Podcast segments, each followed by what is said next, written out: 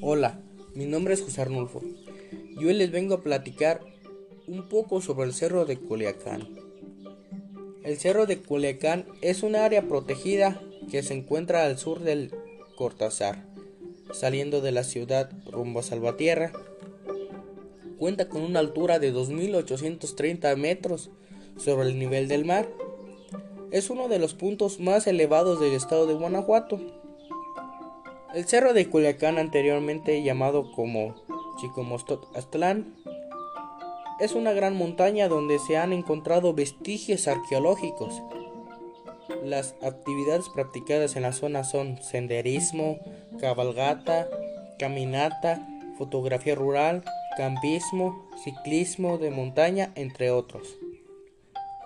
Sus tierras son mayormente ejidal, y las comparten los municipios del Jaral de Progreso, Cortázar, Salvatierra, Celaya del estado de Guanajuato.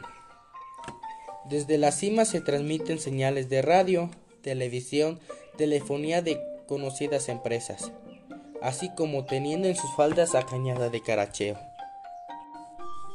donde se puede subir por una hermosa vereda, porque nos permite disfrutar de la vegetación abundante que hay en ese lugar. Esta zona protegida nos permite una importante hábitat silvestre, así teniendo 10 anfibios, 21 reptiles, 107 aves y 46 mamíferos.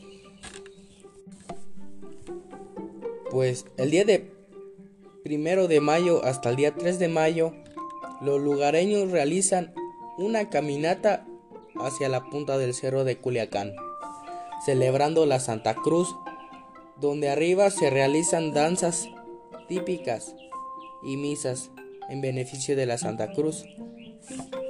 Y pues esto sería todo de los que le hablaré hoy. Hasta pronto.